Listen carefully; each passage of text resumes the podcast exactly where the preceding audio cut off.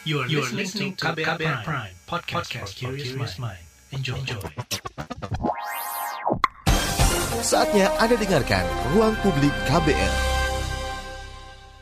Selamat pagi, kita berjumpa kembali dalam Ruang Publik KBR bersama saya Don Brady dengan tema pagi hari ini kontroversi maklumat Kapolri soal konten FPI. Saudara Kapolri Jenderal Idam Aziz telah menerbitkan maklumat tentang kepatuhan terhadap larangan kegiatan, penggunaan simbol dan atribut, serta penghentian kegiatan Front Pembela Islam atau FPI pada awal tahun ini. Penerbitan maklumat ini merujuk surat keputusan bersama tentang larangan kegiatan, penggunaan simbol dan atribut, serta penghentian kegiatan FPI. Dalam maklumat tersebut, Kapolri menekankan masyarakat agar tidak mengakses, mengunggah, dan menyebarluaskan konten yang berkaitan dengan FPI. Lantas, bagaimana dengan dampak pelarangan ini? Apakah maklumat ini melanggar kebebasan berekspresi oleh masyarakat? Untuk mengetahui penjelasannya kami akan hadirkan perbincangan rekan Fitri Anggreni bersama penasehat senior Human Rights Working Group, Ravendi Jamin. Dan kami juga akan hadirkan sejumlah cuplikan pernyataan dari kepolisian serta Dewan Perwakilan Rakyat atau DPR RI. Pada segmen pertama ini kita akan menyimak penjelasan juru bicara Mabes Polri Argo Yuwono mengenai isi maklumat Kapolri tentang kepatuhan terhadap larangan kegiatan, penggunaan simbol, dan atribut serta penghentian kegiatan Front Pembela Islam atau FPI yang kami dapatkan dari Kompas TV. Berawal dari kegiatan ya, kegiatan konferensi bersama Menko Polhukam dengan beberapa uh, kementerian terkait yaitu akhirnya ada SKB bersama ya, SKB bersama yaitu antara Mendagri, Kementerian Hukum dan HAM, dan juga ada Menko Info dan Jaksa Agung, Kapolri, dan dari Kepala BNPT yang tertanggal 30 Desember tahun 2020 tentang larangan kegiatan penggunaan simbol dan atribut serta penghentian kegiatan dari Front Pembela Islam. Jadi dengan adanya SKB tersebut, kemudian uh, Bapak Kapolri mengeluarkan maklumat, ya, maklumat dengan nomor MAK garing 1 garing 1 Romawi garing tahun 2021 tertanggal 1 Januari 2021 tentang kepatuhan terhadap larangan ya kegiatan penggunaan simbol dan atribut serta penghentian kegiatan Front Pembela Islam. Ini gunanya ya, gunanya untuk memberikan perlindungan dan memberikan jaminan keamanan serta keselamatan masyarakat. Maka mengeluarkan maklumat tersebut ada empat poin yang tertulis atau tertuang di dalam maklumat tersebut. Yaitu yang pertama, yang A ya, yaitu masyarakat tidak terlibat secara langsung maupun tidak langsung itu mendukung memfasilitasi kegiatan ataupun penggunaan atribut dari Front Pembela Islam. Dan yang B, itu ada masyarakat segera melapor kepada aparat ya bila menemukan ada suatu kegiatan simbol Front Pembela Islam maupun atribut serta tidak melaksanakan, melaksanakan tindak pelanggaran hukum. Ya. Dan yang C yaitu mengedepankan Satuan Polisi Pamung Praja yang didukung oleh TNI Polri dalam memberikan penertiban ya penertiban di lokasi ya yang terpasang dengan adanya spanduk atau banner ya atau atribut atau pem pamflet ya dan hal lain yang terkait dengan Front Pembela Islam. Dan yang ke, ke D itu masyarakat tidak mengakses atau mengunggah dan menyebar luaskan konten terkait Front Pembela Islam baik melalui website maupun medsos. Artinya bahwa yang poin 2D tersebut selama tidak mengandung berita bohong ya, potensi gangguan kap, kaptikmas ataupun provokatif, mengadu domba ataupun perpecahan itu ya dan sara itu. Itu tidak masalah tapi kalau mengandung itu tidak diperbolehkan ya. Apalagi nanti mengakses atau mengupload ataupun maupun menyebarkan kembali yang dilarang maupun yang yang ada tindak pidananya undang-undang ITE misalnya itu tidak diperbolehkan itu ya itu di sana jadi itu yang dari kemarin mungkin um, banyak banyak banyak uh, pertanyaan berkaitan dengan kebebasan pers ya maupun ke berekspresi. Ya, yang terpenting bahwa uh, kita dengan dikeluarkan maklumat ini kita tidak tidak artinya itu memberi adil berkaitan dengan kebebasan pers tidak. Tetapi berkaitan dengan uh, yang dilarang itu tidak diperbolehkan ya untuk disebarkan kembali ataupun yang kemudian diberitakan kembali yang itu melanggar hukum tidak diperbolehkan. Itu intinya uh, berkaitan dengan uh, kegiatan maklumat yang telah dikeluarkan Bapak Kapolri. Selanjutnya kita akan dengarkan tanggapan dari anggota Komisi Hukum DPR RI Habibur Rokman. Uh, pihak Polri kan sudah memberikan klarifikasi resmi, tegas dan jelas bahwa itu tidak dimaksud untuk membatasi teman-teman pers dalam memberitakan apa pun termasuk FPI sudah disampaikan oleh juru bicara Bibir Polri dan itu menurut saya sudah clear ya. Jadi nggak perlu diramein lagi lah gitu loh. Tinggal hmm. kita sama-sama kawal penegakan hukum dengan Polri ini supaya ber apa sesuai dengan hukum dan ketentuan yang berlaku itu aja itu kan soal, soal ada yang juga menganggap bahwa ini bakal uh, berlebihan gitu pak dan juga tidak sejalan dengan demokrasi nah, karena um, ya berlebihannya itu karena kemarin kan diartikan kan uh, sebelum ada penjelasan. Kalau ada ketika ada penjelasan itu nggak berlebihan lagi dong. Kalau jelas-jelas kok. Kan kita ikuti semua penjelasan ini Polri. Ada berapa Karpenmas ngomong, kemudian beberapa orang lagi yang memang resmi ngomong gitu. Untuk yang penjelasan tersebut, apakah memang cukup uh, Habib untuk memastikan? Sekarang teman-teman, ya kan, menganggap maklumat itu apa? Dikatakan kan nggak ada dasar hukum dan segala macam. Ya, hmm. kenapa harus diterbitkan dengan apa dibantah dengan surat yang berkekuatan hukum juga? Udahlah begitu disampaikan klarifikasi kan selesai menurut saya. Artinya sudah tidak perlu di uh, ini ditarik ataupun bahkan diperbaiki gitu. perlu. Ya apa itu? Kita kembalikan ke mereka. Tapi tanpa itu pun hmm. ya keberadaan pasal 2D itu sudah tidak apa namanya tidak membahayakan pet. Ya termasuk publik lah di segmen berikutnya kita akan dengarkan penjelasan penasehat senior Human Rights Working Group Ravendi Jamin. Masih Anda dengarkan Ruang Publik KBR.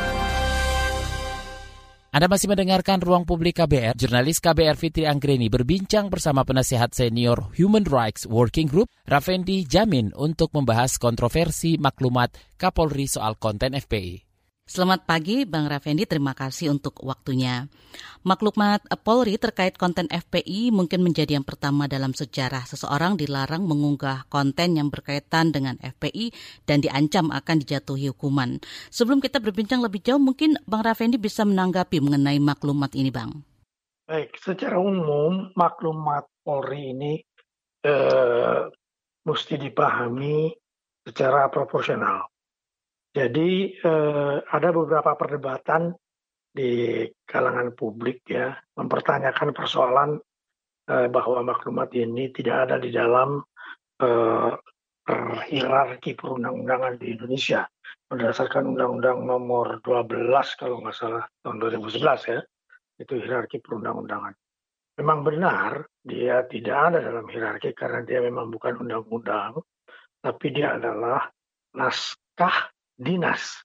Nah, naskah dinas itu sebetulnya sudah diatur oleh eh, apa namanya eh, atau tercantum di dalam perundang-undangan itu dimungkinkan membuat regulasi, peraturan, amanat, maklumat, ya atau surat edaran dari eh, badan-badan uh, pemerintahan. Ya, di situ ada misalnya surat edaran Mahkamah Agung, surat edaran Kejaksaan, ya di dalam Polri itu dia bahkan sudah mengatur secara detail letak uh, maklumat ini ada di dalam uh, konteks bukan di dalam hierarki peraturan itu di mana.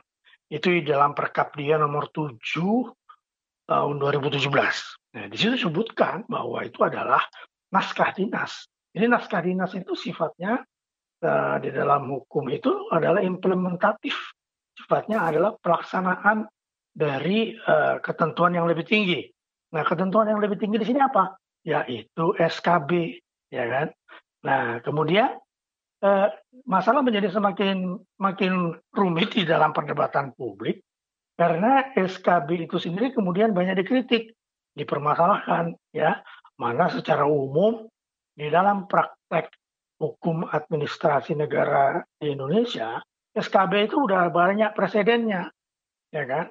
Dan itu pun sebetulnya juga diatur di dalam Undang-Undang Nomor 12 dan Nomor 2011 itu ada pasal ya pasal uh, yang menentukan bahwa uh, di luar hierarki yang ada itu sampai kepada peraturan di tingkat desa, perdes ya, bisa dibuat sebuah peraturan ya atas dasar uh, perundang-undangan di atasnya atau atas dasar kewenangan dari uh, sebuah kementerian.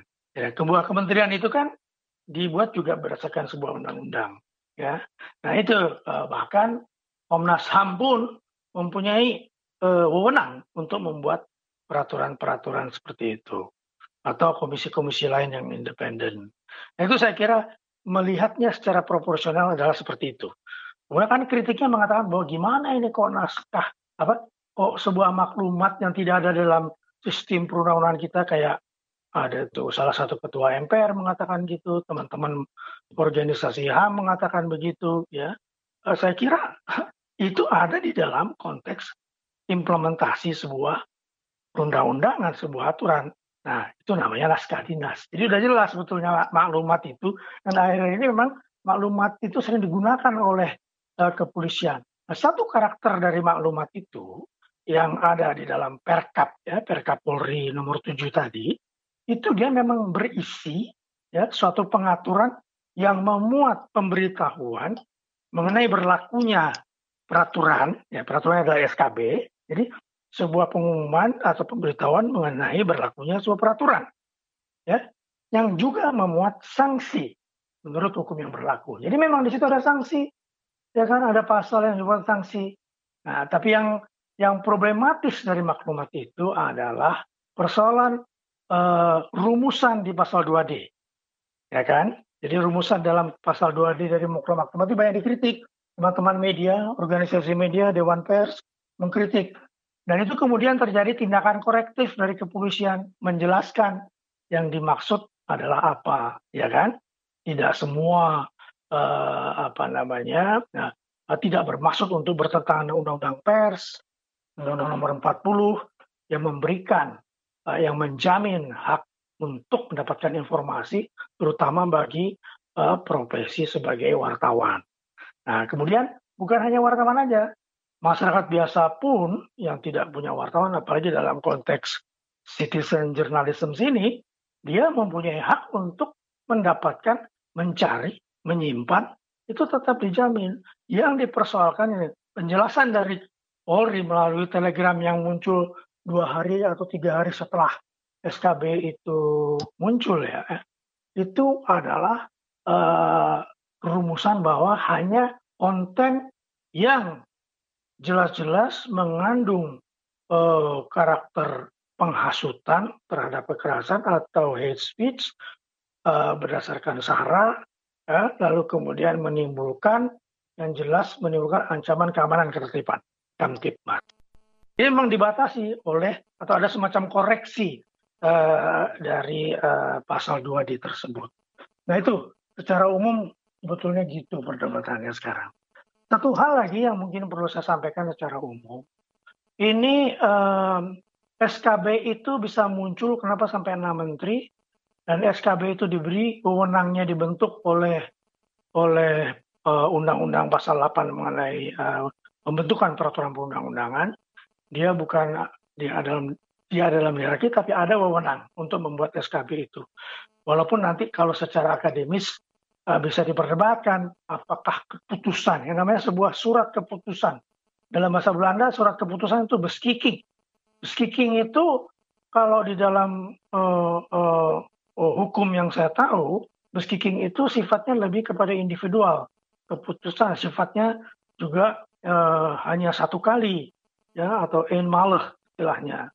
Nah, sementara ada yang mengatakan bahwa SKB ini bukan keputusan sebetulnya. Dia karakternya adalah peraturan. Berarti apa? Di dalam uh, di dalam bahasa hukum uh, karena kita banyak menganut uh, hukum dari Belanda istilahnya regeling. Regeling itu peraturan gitu. Nah, jadi uh, kemudian disebutkan beberapa akademisi mengatakan bahwa ini sebetulnya lebih cocok sebut regeling karena dia mengatur hal-hal yang apa namanya yang terus menerus gitu. Nah, itu makanya disebut. Dan ini satu hal penting, dibentuknya sebuah peraturan yang di luar uh, di luar uh, hierarki perundang-undangan itu dimungkinkan oleh undang-undang ketika ada suatu ancaman tertentu atau sesuatu masalah dalam hal ini adalah masalah keamanan ketertiban yang perlu diatasi oleh uh, pemerintah di dalam menjaga kepentingan umum dari ketertiban uh, masyarakat ya ketertiban uh, keamanan dan ketertiban masyarakat. Jadi ada situasi yang cukup yang juga mendesak untuk melakukan ya, diluncurkannya sebuah SKB itu. Justru malah saya lihat ini FPI hebat sekali sebagai sebuah organisasi massa. Di Indonesia banyak sekali organisasi massa. Hanya dia yang mendapat perlakuan seperti ini, berarti dia memang kelasnya luar biasa kan? Ada ada enam menteri yang harus harus membuat sebuah SKB. Luar biasa dalam arti ternyata dia telah dianggap mengancam keamanan dan ketertiban.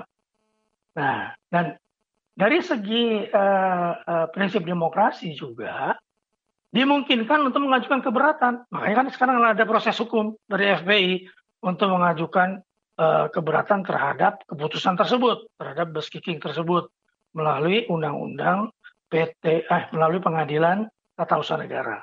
Karena ini kan sifatnya administratif. Nah, sifatnya administratif, walaupun kontennya ada hal-hal yang mempunyai nexus atau kaitan dengan kitab undang-undang hukum pidana, yaitu ada ancaman pidananya. Nah, jadi ada situasi yang uh, agak urgent, agak spesial yang harus juga diatasi, maka lahirlah SKB ini. Dan di dalam konteks kita yang lagi belajar berdemokrasi ini, saya kira ya ada ada kesalahan-kesalahan sedikit dalam pelaksanaan, kira hal yang biasa. Yang lebih bagus lagi, kritik juga di, diperbolehkan. Jadi ada perdebatan. Jadi saya memandang situasinya masih situasi yang sehat.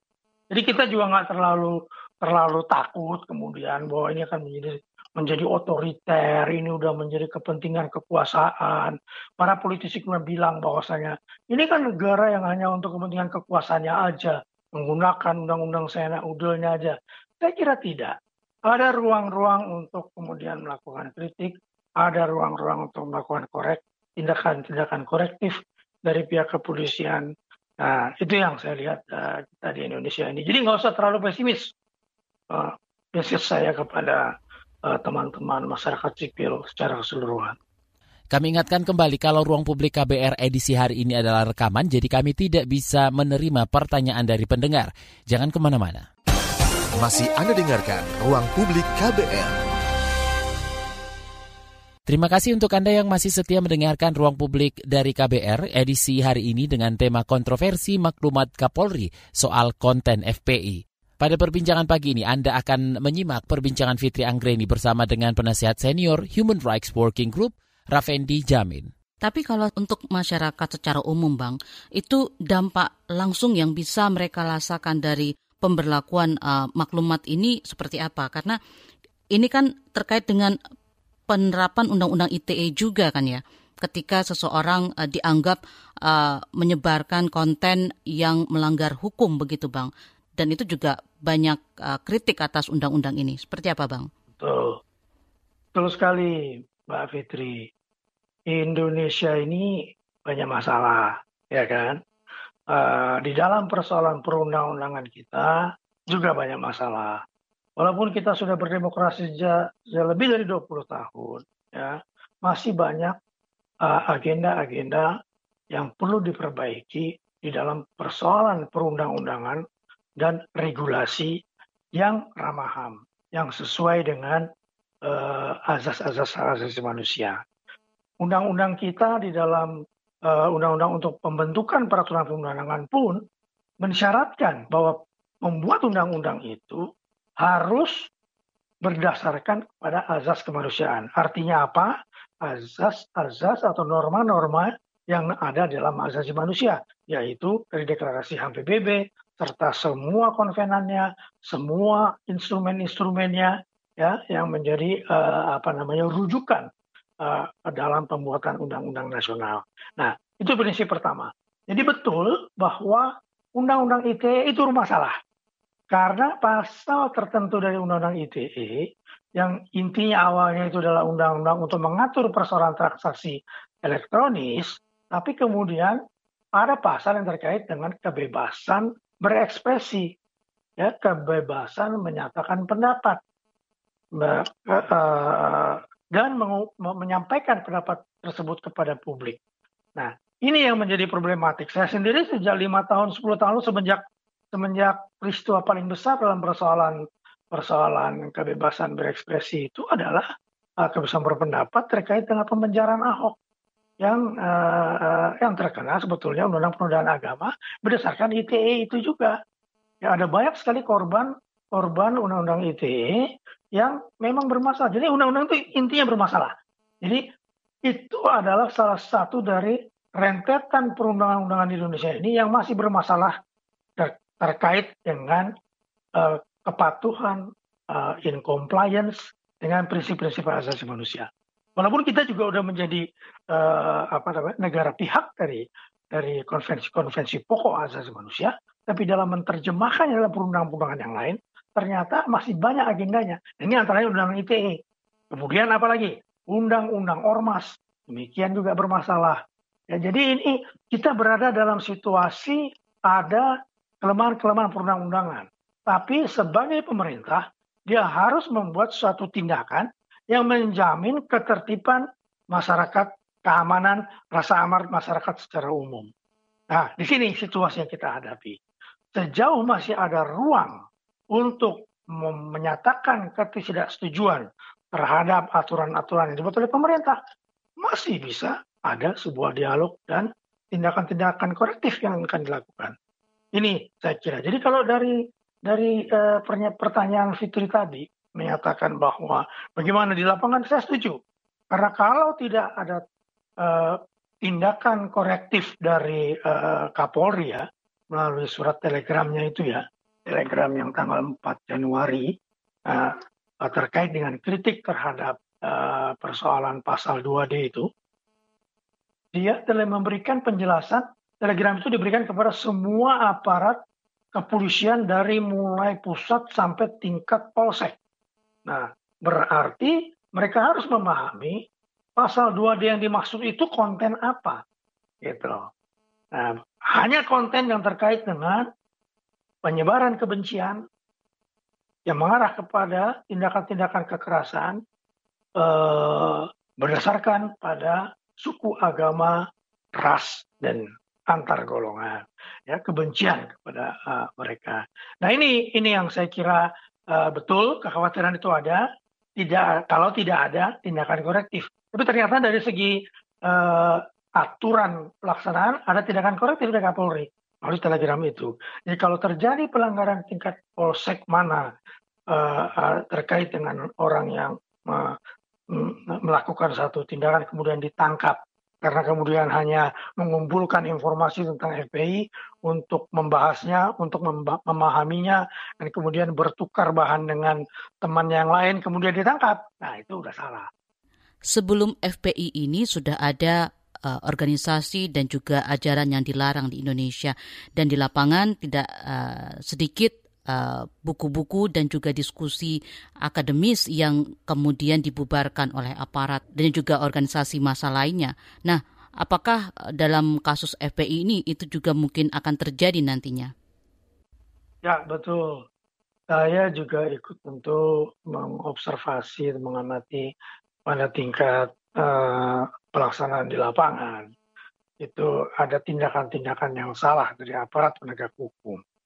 Misalnya penyitaan buku-buku ya pernah ada satu ada satu itu ada buku yang terkait dengan marxisme disita ya udah. Udah nggak bisa lagi itu begitu. Itu yang sudah diatur oleh uh, ada udah ada regulasinya. Kalau itu terkait dengan sebuah uh, pemahaman apa uh, upaya akademis mendapatkan informasi, mempelajari, maka itu menjadi bagian dari kebebasan akademis yang bisa dimiliki oleh semua orang gitu. Ketika dia memulai kelompok diskusi, itu kan sebuah praktek akademis ya dari suatu kelompok pemuda lah atau orang-orang, kemudian ada buku-buku marxisme, Leninisme, lantas mau disita ya nggak bisa. Nah tapi di lapangan sering penegak hukum itu tidak memahami. Dan itu harus dikoreksi dengan cepat. Dan itu bisa dikoreksi dengan cepat. Gitu saya kira. Nah kalau tadi soal pemahaman uh, yang Fitri tanya dalam kaitannya dengan FPI saya kira sudah menjadi sebuah uh, kesadaran kolektif uh, berdirinya FPI selama 20 tahun ini rentetan sejarah kegiatannya itu sangat bernuansa intoleran, pemaksaan, kekerasan. Nah, itu udah udah udah udah menjadi satu evidence, art evidence, bukti yang nyata. Ya, jadi saya kira uh, ketika muatan-muatan itu kemudian mengarah ya kepada tindakan, jadi dia sebagai organisasi mempunyai kemampuan untuk melakukan tindakan kekerasan sebagai organisasi ya bukan sebagai individu dia ya atau kelompok sedikit eh, kelompok kecil dari FPI aja yang berjalan sendirian tidak ini menjadi satu hal yang dibiarkan eh, atau eh, bahkan eh, saya tidak tahu pasti ini semacam tidak ada tindakan korektif ketika misalnya dilakukan sweeping. Malah pimpinan dari FPI memberikan pembenaran. Ya ini karena uh, polisi sama satpolnya nggak bergerak ya kita yang harus bergerak. Ya kita harus sweeping. Kita harus hancurin semuanya lalu dilakukan sweeping sweeping ya itu kan juga nggak benar gitu. Nah ini eh, saya kira uh, ya lalu uh, uh, apa narasi-narasi uh, dari sosial media resmi dari FPI bahkan dari ketua FPI-nya uh, Rizik Sihab tersebut yang banyak juga melakukan uh, uh, apa namanya ucapan ataupun uh, uh, karakter penyebaran kebencian terhadap uh, kelompok ya atau terhadap agama, nah saya kira itu nggak usah susah-susah nyarinya. Itu sudah menjadi sebuah kesadaran umum, kesadaran kolektif bahwa itu ada. Nah kalau dirunut, nah itu dalam SKB kan dia udah merunut tuh apa aja pelanggaran-pelanggaran yang telah dilakukan, tindak pidana yang dilakukan, walaupun kemudian ada perdebatan. Lah, kalau itu tindakan individu, apakah organisasinya harus dibubarkan? Nah, saya kira itu adalah perdebatan di kalangan akademis. Kalau dia keberatan terhadap itu, ya boleh aja diajukan. Ya, memang keberatan itu sedang dilaksanakan sekarang ya, melalui jalur hukum, melalui PT UN. Ya, Bang Raffendi, ada juga penilaian kepolisian dinilai berlebihan dalam membatasi unggahan terkait FPI ini uh, karena ada juga anggapan bahwa kepolisian cukup membatasi kontennya saja tanpa harus mempidana. Seperti apa tanggapan Anda? Uh, gimana tadi membatasi kontennya ya, saja jadi, uh, tanpa mempidana? Mm -mm, jadi uh, kontennya saja yang tidak diperbolehkan untuk disebarkan, tetapi tidak diikuti dengan uh, sanksi, begitu, bang? Oh, begitu. Nah, problemnya begini, ketika konten tersebut adalah konten yang me memuat penyebaran kebencian, hate speech, ya penyebaran kebencian itu sebetulnya menjadi bagian dari satu rangkaian penyebaran kebencian secara keseluruhan.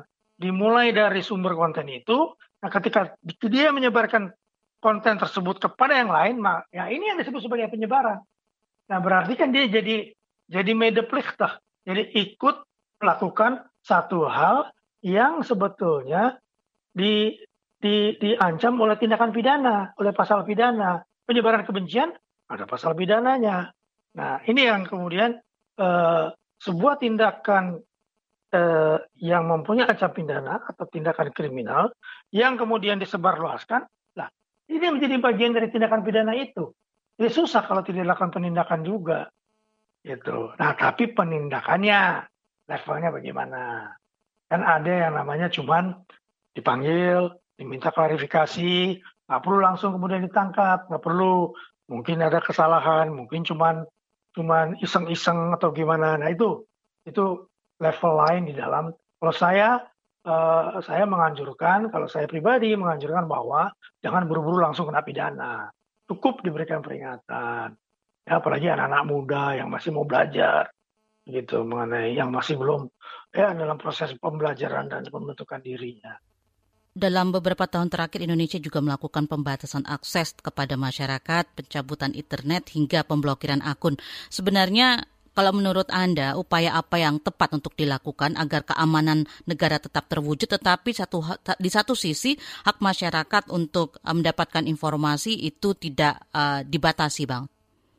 Baik, begini, memang uh, di dalam apa namanya uh, pelaksanaan dari asasi manusia itu uh, apa namanya ada regulasi yang terkait ada kelemahan dalam regulasi yang terkait dengan pembatasan. Ya. Jadi walaupun itu tercantum di dalam pasal dalam konstitusi ya. Jadi konstitusi pasal 28 I uh, huruf J kalau nggak salah 28 itu yang mengatakan bahwa uh, yang mengatur soal pembatasan hak. Nah, kemudian ada persoalan non derigible rights yaitu hak-hak yang tidak bisa dikurangi, dihilangkan dalam keadaan apa pun, termasuk keadaan darurat. Nah, nah kemudian regulasi di bawah-bawahnya itu ya, yang terkait dengan berbagai macam kebebasan-kebebasan yang dilindungi oleh konstitusi itu memang masih masih banyak uh, apa namanya uh, masih harus diatur secara lebih rapi. Oleh sebab itu upaya yang dilakukan oleh Komnas HAM di dalam membuat semacam panduan di dalam persoalan pelaksanaan pasal kebebasan uh, atau freedom expressions and freedom of information itu. Karena di situ kan ada, ada kebebasan untuk mencari, menyimpan, ada kebebasan untuk uh, berekspresi. Nah itu Komnas HAM membuat satu uh, satu panduan yang harusnya dipergunakan oleh semua pihak, oleh masyarakat, oleh aparat penegak hukum, ya, bahkan kemudian menerjemahkannya di dalam aturan-aturan internalnya sehingga norma-norma atau guideline yang dibuat oleh Komnas HAM itu akan memberikan satu panduan yang jelas pembatasan itu dilakukan seperti apa, prosedurnya bagaimana, akuntabilitasnya bagaimana. Nah, itu yang yang saya kira memang masih menjadi agenda kita di dalam persoalan pembatasan hak azazi manusia. Kembali kami ingatkan kalau ruang publik KBR edisi hari ini adalah rekaman, jadi kami tidak bisa menerima pertanyaan dari pendengar. Tetaplah bersama kami. Commercial break. Commercial break. Commercial break. Ita Biliana, psikolog dari Lembaga Psikologi Terapan UI, memberi pesan kepada teman-teman Broken Home untuk meraih masa depan yang terbaik terlepas bagaimana kondisi rumahmu, bukan kondisi orang tuamu, itu ya kamu adalah individu sendiri yang punya hak dan punya kemampuan untuk menentukan nanti ke depannya mau gimana gitu. Jadi apa yang terjadi di belakang kamu tuh it doesn't define who you are atau yes. who will you be gitu aja, who you will be. Simak obrolan selengkapnya dalam podcast Disco Diskusi Psikologi dalam episode Masa Depan Anak Broken Home di kbrprime.id dan platform mendengar podcast lainnya. Masih Anda dengarkan Ruang Publik KBR. Kita tiba di bagian akhir ruang publik KBR edisi hari ini. Pada pagi hari ini kami masih hadirkan perbincangan jurnalis Fitri Anggreni bersama penasihat senior Human Rights Working Group Ravendi Jamin mengenai kontroversi maklumat Kapolri soal konten FPI. Kalau untuk pengalaman di negara-negara lain, Bang, apakah ada juga uh, pelarangan sebuah organisasi yang kemudian diikuti dengan uh, pelarangan uh, penyebaran konten-konten terkait organisasi tersebut uh, baik offline secara online. Apakah ada yang bisa dijadikan uh, masukan bagi Indonesia dalam mengatur terkait pembubaran FPI ini, Bang? Oh, itu pertanyaan menarik itu. Hmm, saya cuma hanya bisa berkaca pada pengalaman saya uh, di Eropa. Kalau di sana itu ada organisasi uh, apa namanya Nazi, ya kan, pemuda Nazi. Nah, Nazi itu udah dianggap sebagai organisasi yang terlarang kan. Ajarannya pun uh, sebetulnya uh, ajarannya juga uh, sudah uh, sudah dilarang di Jerman.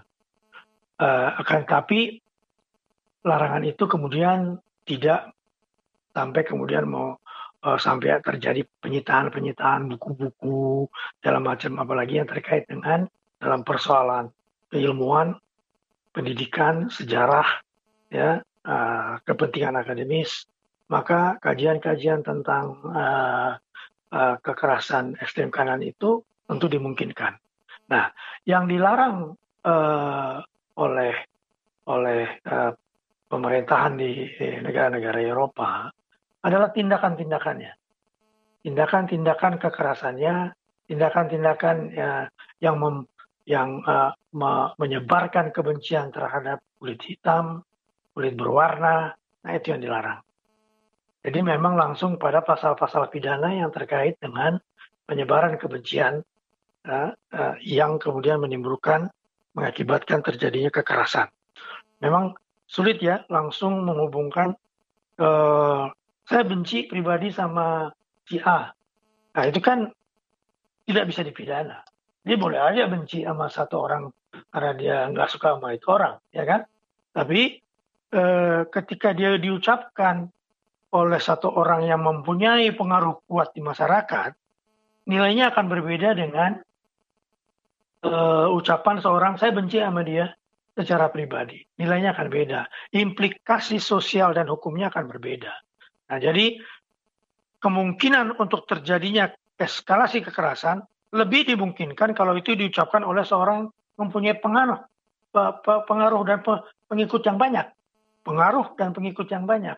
Jadi posisi seseorang itu ya juga menentukan bagaimana kadar pasal penyebaran kebijakan itu bisa diterapkan.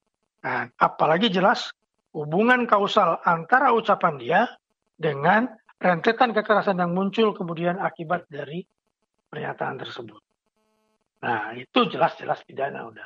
Nah, ini yang di yang menjadi sorotan di negara-negara Eropa. Nah, seharusnya saya kira itu adalah cara yang paling baik untuk kemudian mengatur persoalan larangan penyebaran kebencian tersebut secara lebih rigid, lebih jelas. Ya, jadi tidak bisa disalahgunakan oleh uh, orang-orang uh, yang yang uh, yang merasa tidak suka karena si A itu begitu atau kalau si A sudah menginikan saya, saya akan balas dendam. Nah itu kan banyak sekarang masih dilakukan. Ada apa namanya pengaduan-pengaduan, ya kan, uh, yang yang menggunakan undang-undang ITE itu. Sebenarnya kan berarti uh, sangat urgent untuk merevisi undang-undang ITE itu ya Bang ya. Seperti apa upaya masyarakat sipil untuk terus mendorong pemerintah untuk uh, bisa melihat kembali Undang-Undang ITE ini dan melakukan berbagai koreksi, terutama berdasarkan pengalaman uh, dalam beberapa tahun pelaksanaan Undang-Undang ini, Bang? Ya, kita kan sekarang sedang dalam proses itu, Fitri. Itu ada namanya revisi KUHP. Nah, Undang-Undang ITE itu kan pasal pidananya kan mengacu pada KUHP. Ya, jadi yang harus diperbaiki adalah KUHP-nya. Ketika KUHP-nya sudah diperbaiki, maka uh, konsekuensi logis dari peraturan perundang-undangan, undang-undang ITE harus disesuaikan dengan KUHP-nya, kan gitu. Jadi kita sekarang berjuang di KUHP-nya. Nah, kita tahu di situ ada persoalan kebebasan berekspresi yang kita eh, yang sedang kita perjuangkan, ada persoalan kebebasan beragama yang sedang kita perjuangkan, ya rumusan-rumusannya bagaimana sehingga yang namanya penodaan agama itu sesedikit mungkin harus dihilangkan. Kita mengadvokasi hapuskan blasphemy law hapuskan pasal-pasal penodaan agama. Nah ini dalam proses itu. Nah, ternyata kemarin revisi KUHP itu di demo uh, pada tahun lalu akhirnya tertunda lagi sekarang pembahasan tersebut. Tapi ini adalah advokasi yang terus berjalan. Advokasi yang terus dijalankan oleh masyarakat sipil, kelompok-kelompok uh, apa advokasi kebebasan beragama berjalan ya selama sepanjang tahun 2020 jalan terus kelompok kebebasan uh, uh, ekspresi dan berpendapat juga jalan terus. Ya. Uh, yang agak kurang ini justru sekarang adalah kelompok-kelompok yang dulu mengadvokasi undang-undang ormas. Agak ini nih, agak lemes nih saya lihat nih. Uh, undang-undang ormas itu dengan adanya perpu itu kan sekarang menghilangkan lembaga peradilan uh, di dalam pembubaran satu organisasi.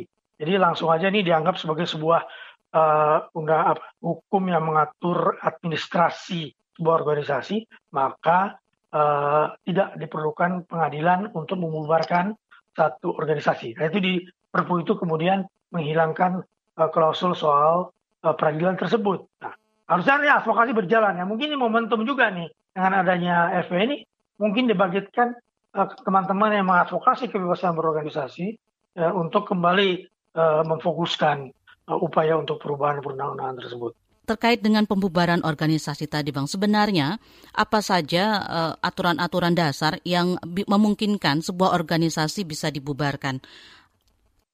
Ya, ini kita bicara dalam kerangka ideal dan kerangka realistis ya. Kerangka ideal bahkan saya, kerangka ideal kita itu yang namanya uh, pembubaran pembubaran yang yang terjadi selama ini menurut saya dia bisa aja kemudian uh, apa namanya istilahnya itu kan ada dua nih. Istilahnya adalah dia terdaftar atau tidak ya kan? Tapi berdasarkan prinsip itu udah ada keputusan dari Mahkamah Konstitusi kan yang kemudian juga menjadi salah satu dasar dari SKB itu walaupun kemudian ada perdebatan bahwa uh, pasal tersebut agak di diplesetin untuk memberikan pembenaran kepada ah, langkah-langkah punitif yang ada di dalam pasal SKB. Nah, tapi saya mengatakan bahwa uh, uh, yang namanya kebebasan berorganisasi itu memang di, dilindungi oleh konstitusi, ya, uh, berkumpul dan berorganisasi, freedom of uh, association and assembly. Nah, itu dilindungi oleh konstitusi. Nah, ketika ada kewajiban untuk melakukan pendaftaran, maka ada SKT, surat keterangan terdaftar. Kemudian kalau dia berbentuk yayasan, dia berbentuk perkumpulan, dia mendaftarkan juga apa melakukan legislasi di uh, Departemen Hukum dan HAM melalui Dirjen AHU Administrasi Hukum Umum ya. Nah, itu adalah aturan. Tapi ketika organisasi itu tidak terdaftar, dia tidak bisa disebut sebagai organisasi yang terlarang. Itu betul, itu saya setuju dengan prinsip itu. Dan prinsip itu ada di dalam keputusan Mahkamah Konstitusi. Jadi eh, kumpulan sepeda ontel, kumpulan eh, motor apa, kumpulan sepeda ini sering-sering kan tidak tidak mempunyai tidak terdaftar sebagai organisasi organisasi massa, walaupun mereka bisa mengumpulkan massa, gitu ya kan? Nah, jadi saya kira melarang orang untuk berorganisasi walaupun dia tidak terdaftar, tidak bisa kita kemudian mengatakan itu sama saja dengan OTB, organisasi tanpa bentuk. Nah, itu udah warisan dari zaman Orde Baru itu ya, menggunakan istilah OTB itu. Ya dia memang tidak ada tidak terdaftar bukan berarti dia tidak terbentuk. Dia mempunyai internal regulationnya sendiri yang dipatuhi oleh anggota-anggotanya. Nah itu harus dihargai. Dan itu dihargai dan dilindungi. Karena memang dilindungi oleh konstitusi kita. Dan juga dilindungi oleh konvensi HAM internasional yang kita menjadi negara pihaknya. Mhm. Saya kira gitu Fitri. Tapi apakah dengan uh, lahirnya Perpu tadi di mana ormas bisa dibubarkan tanpa perlu lewat jalur pengadilan seperti sebelumnya, Bang. Apakah ini bisa menjadi presiden di mana di masa depan organisasi-organisasi yang katakanlah mungkin tidak disukai atau dianggap uh, menentang pemerintah misalnya itu dengan mudah bisa dibubarkan, Bang? Uh, saya kira terlalu nggak usah terlalu khawatir. Selama masih ada proses untuk counteringnya, proses ruang untuk melawannya, baik melalui jalur hukum, melalui jalur politik, kan ada dua, jalur politik, jalur hukum, ya kan? Jalur politik itu bisa politik melalui lembaga-lembaga politik yang ada ataupun lembaga-lembaga ekstra parlementer. Saya kira itu uh, bukan hal yang harus dikhawatirkan. Makanya ini sekarang menarik untuk melihat perkembangan uh, ke keberatan yang yang diajukan oleh FPI terhadap undang-undang PTUN ya. Nah, dan ini uh, tapi tetap saya setuju bahwa harus dilakukan revisi terhadap undang-undang ormas itu. Terakhir Bang, kembali kepada uh, maklumat tadi soal pelarangan penyebaran konten yang terkait FPI. Masyarakat kita itu masih kita bilang uh, literasi digitalnya masih sangat kurang dan dengan berlakunya maklumat ini bisa jadi nanti ke depannya akan makin banyak kasus-kasus masyarakat biasa yang dijerat dengan pasal undang-undang ITE. Nah, seperti apa masyarakat harus mencermati terutama terkait dengan maklumat ini ketika mereka uh, memposting berselancar ataupun mengunggah sesuatu di uh, media sosial mereka, Bang. Ya, eh, ini bisa dilakukan, terutama memang harus dilakukan oleh pihak kepolisian. Jadi koreksi atau rektifikasi atau semacam tindakan korektif dari pasal 2D dari uh, maklumat tersebut ya.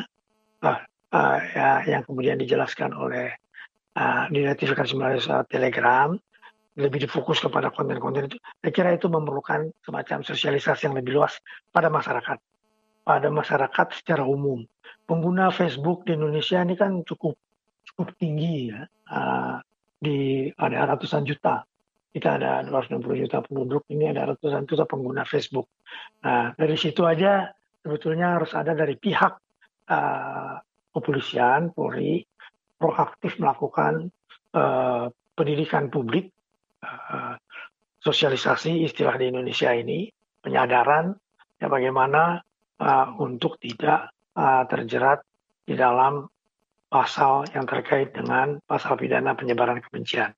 Ketika mengakses konten-konten yang sifatnya penyebaran kebencian dari organisasi seperti FPI. Dan sebetulnya kan bukan hanya FPI aja. Banyak organisasi-organisasi lain yang juga punya. Nah, jadi prinsip bahwa hukum equality before the law itu juga harus diterapkan. Jadi harusnya bukan hanya FPI aja. Ada konten lain yang kemudian melakukan, uh, yang disebarkan oleh orang tersebut, yang konten tersebut adalah konten yang sifatnya penyebaran kebencian terhadap kelompok agama dan golongan, nah itu harus ada tindakannya juga.